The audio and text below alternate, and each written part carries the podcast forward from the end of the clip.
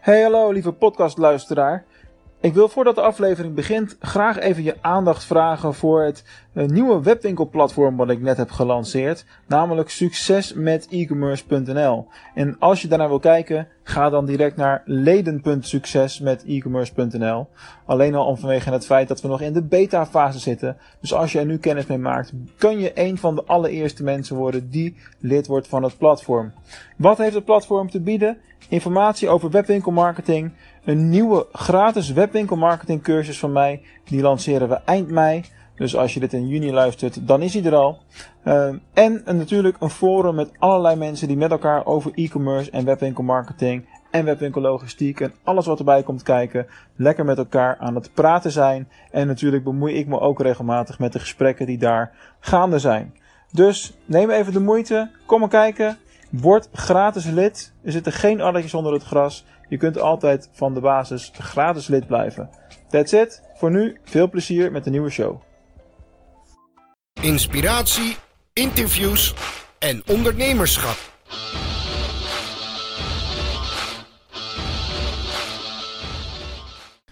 Welkom terug in uh, Giethoorn. Er zijn een paar andere filmpjes tussendoor gekomen, een paar andere podcasts. Uh, maar we keren nog één keer terug naar deze prachtige omgeving.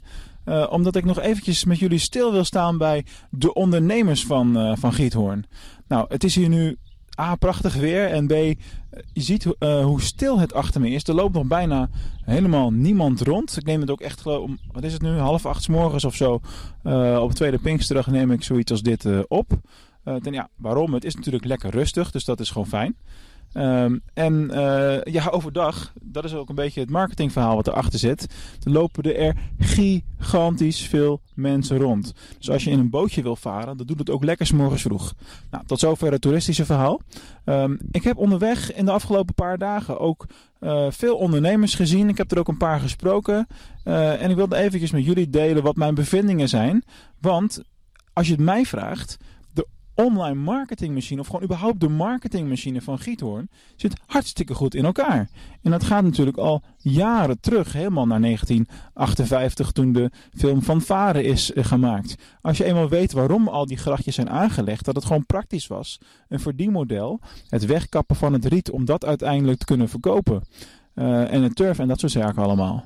Dat was gewoon allemaal al een ondernemersmodel. En vervolgens ontstaat er een prachtig dorp, een prachtig stadje. Waar per jaar geloof ik meer dan 400.000 Chinezen komen. Ja, dat is natuurlijk een fantastisch uh, verdienmodel. Dus er wordt hier echt serieus goed geld verdiend aan, toerisme. Uh, uh, en ondanks de drukte is het toch allemaal goed te doen. Je kunt toch allemaal goed bewegen. Er zijn niet echt heel veel dingen aan de hand. En een aantal marketinggerelateerde zaken waarvan ik zeg dat doen ze goed. Dat is bijvoorbeeld dat je echt letterlijk uh, op diverse plaatsen Chinese borden hebt staan. Ja, voor mij als Nederlander, daar kan ik natuurlijk niet zo heel veel mee. Maar ik snap ook wel dat als er meer Chinezen rondlopen dan Nederlanders, dat het commercieel gezien natuurlijk heel slim is om uh, uh, borden neer te zetten met Chinese tekst. Dat is ook hartstikke logisch en heel erg slim. Um, en wat opvallend is, we zijn natuurlijk in Giethoorn. Je zou zeggen, er zijn dan ook veel Duitsers bijvoorbeeld. Maar ik heb geen borden gezien met Duitse teksten. Dus dat is interessant. Een ander ding wat ze ook heel goed voor elkaar hebben, marketingtechnisch gezien, is dat ze heel duidelijk hun wapen naar voren laten komen. Als in, en je hebt zelfs een winkel die heet het wapen van Giethoorn.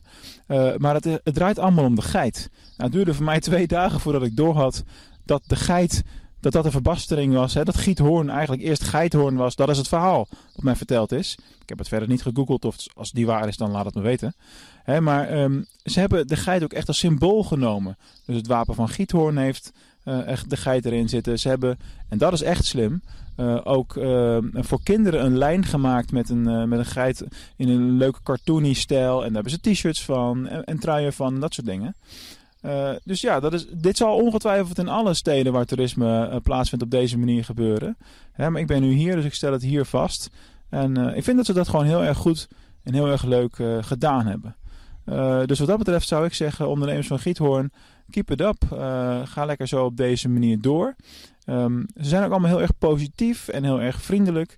Het wordt natuurlijk ook met de paplepel ingegoten op het moment dat je met toeristen te maken hebt. maar ze geven je allemaal een goed gevoel en een welkom gevoel.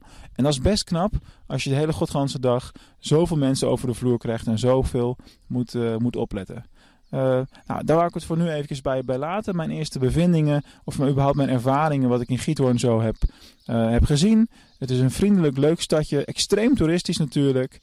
Maar hun marketing, die hebben ze goed op orde. Thank you.